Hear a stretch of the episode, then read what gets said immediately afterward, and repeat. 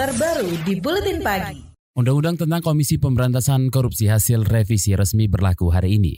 Pejabat Menteri Hukum dan HAM Cahyo Kumolo mengatakan undang-undang baru tersebut otomatis berlaku 30 hari disahkan di DPR, meski tanpa tanda tangan dari Presiden Joko Widodo. Aturan teknisnya sudah disiapkan belum Pak ya? Saya kira nggak ada.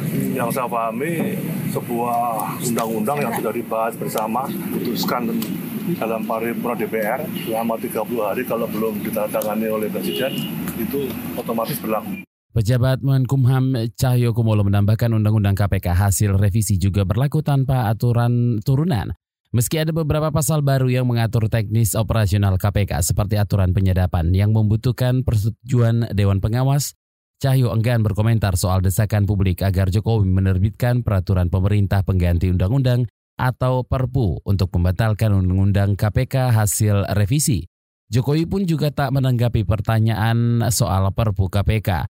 Sikap senada juga ditunjukkan pejabat istana seperti Kepala Staf Kantor Presiden Muldoko. Ketua KPK Agus Raharjo menegaskan akan tetap bekerja seperti biasa meski Undang-Undang KPK hasil revisi telah berlaku. Kata dia, operasi tangkap tangan atau OTT bakal terus dilakukan. Meski begitu, Agus berharap Presiden Jokowi menerbitkan Perpu untuk membatalkan Undang-Undang KPK yang baru. Kami menekankan dua pekerjaan di KPK berjalan seperti biasa, tidak ada yang berubah. Jadi misalkan besok ada kasus yang misalkan ini dari belum tentu ya, ada penyelidikan yang sudah matang yang perlu ada OTT, OTT.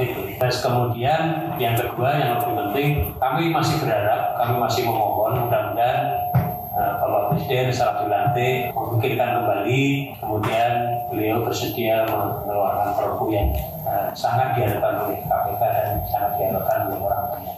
Ketua KPK Agus Raharjo hari ini bakal mengundang Dirjen Perundang-undangan Kementerian Hukum dan HAM untuk mengkonfirmasi tentang kepastian pemberlakuan Undang-Undang KPK yang baru. Komisi Pemberantasan Korupsi KPK dinilai bakal lumpuh mulai hari ini dengan berlakunya Undang-Undang KPK hasil revisi. Dekan Fakultas Hukum UGM Sigit Rianto mengatakan kinerja KPK dalam hal ini penindakan akan terganggu, termasuk kemungkinan tak bisa lagi melakukan operasi tangkap tangan.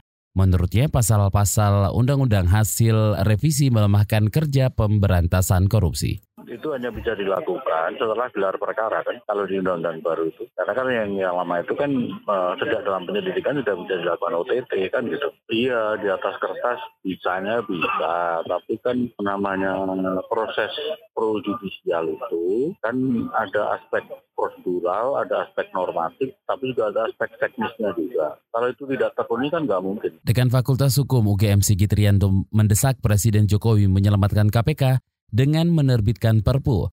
Materinya harus berisi pemantalan Undang-Undang KPK baru atau menghapus pasal-pasal bermasalah seperti pembentukan Dewan Pengawas, aturan penyadapan, wewenang penghentian penyidikan, status pegawai KPK serta pencabutan wewenang pimpinan sebagai penyidik dan penuntut. Selain itu Perpu juga bisa membatalkan syarat batas usia minimal pimpinan 50 tahun.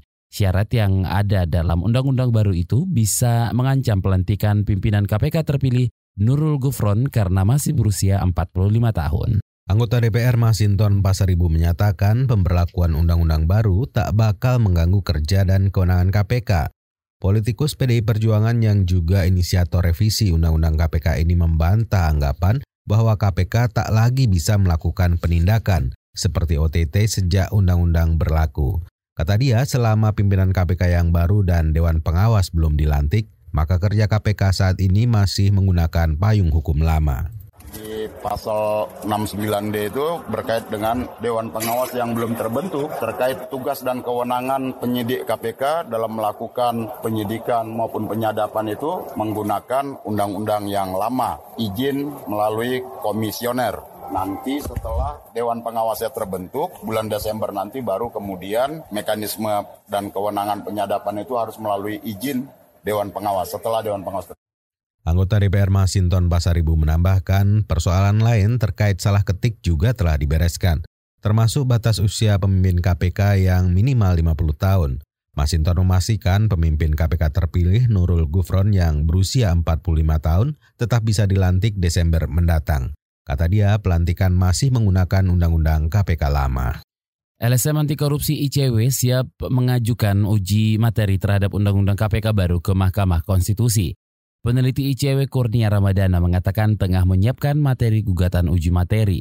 Meski begitu, ICW masih berharap Jokowi mau menerbitkan perpu untuk membatalkan Undang-Undang KPK hasil revisi judicial review itu pasti akan kita lakukan ya, menunggu sampai masuk pada lembar negara. Jadi kita mendesak agar Perpu juga segera dikeluarkan dan kita sembari menyiapkan beberapa permohonan terkait dengan pengujian Undang-Undang KPK. Ya, kita desakan kita memang untuk menagih komitmen anti korupsi Jokowi untuk segera menerbitkan Perpu. Karena sudah berulang kali Presiden Jokowi menyebutkan isu penguatan KPK dan keberpihakan pemberantasan korupsi, namun sampai hari ini janji-janji itu belum juga terlaksana dengan baik. Peneliti ICW Kurnia Ramadana menekankan bahwa pelemahan terhadap KPK nyata dalam Undang-Undang hasil revisi. ICW mencatat setidaknya ada 15 poin dalam undang-undang tersebut yang melemahkan lembaga anti rasuah.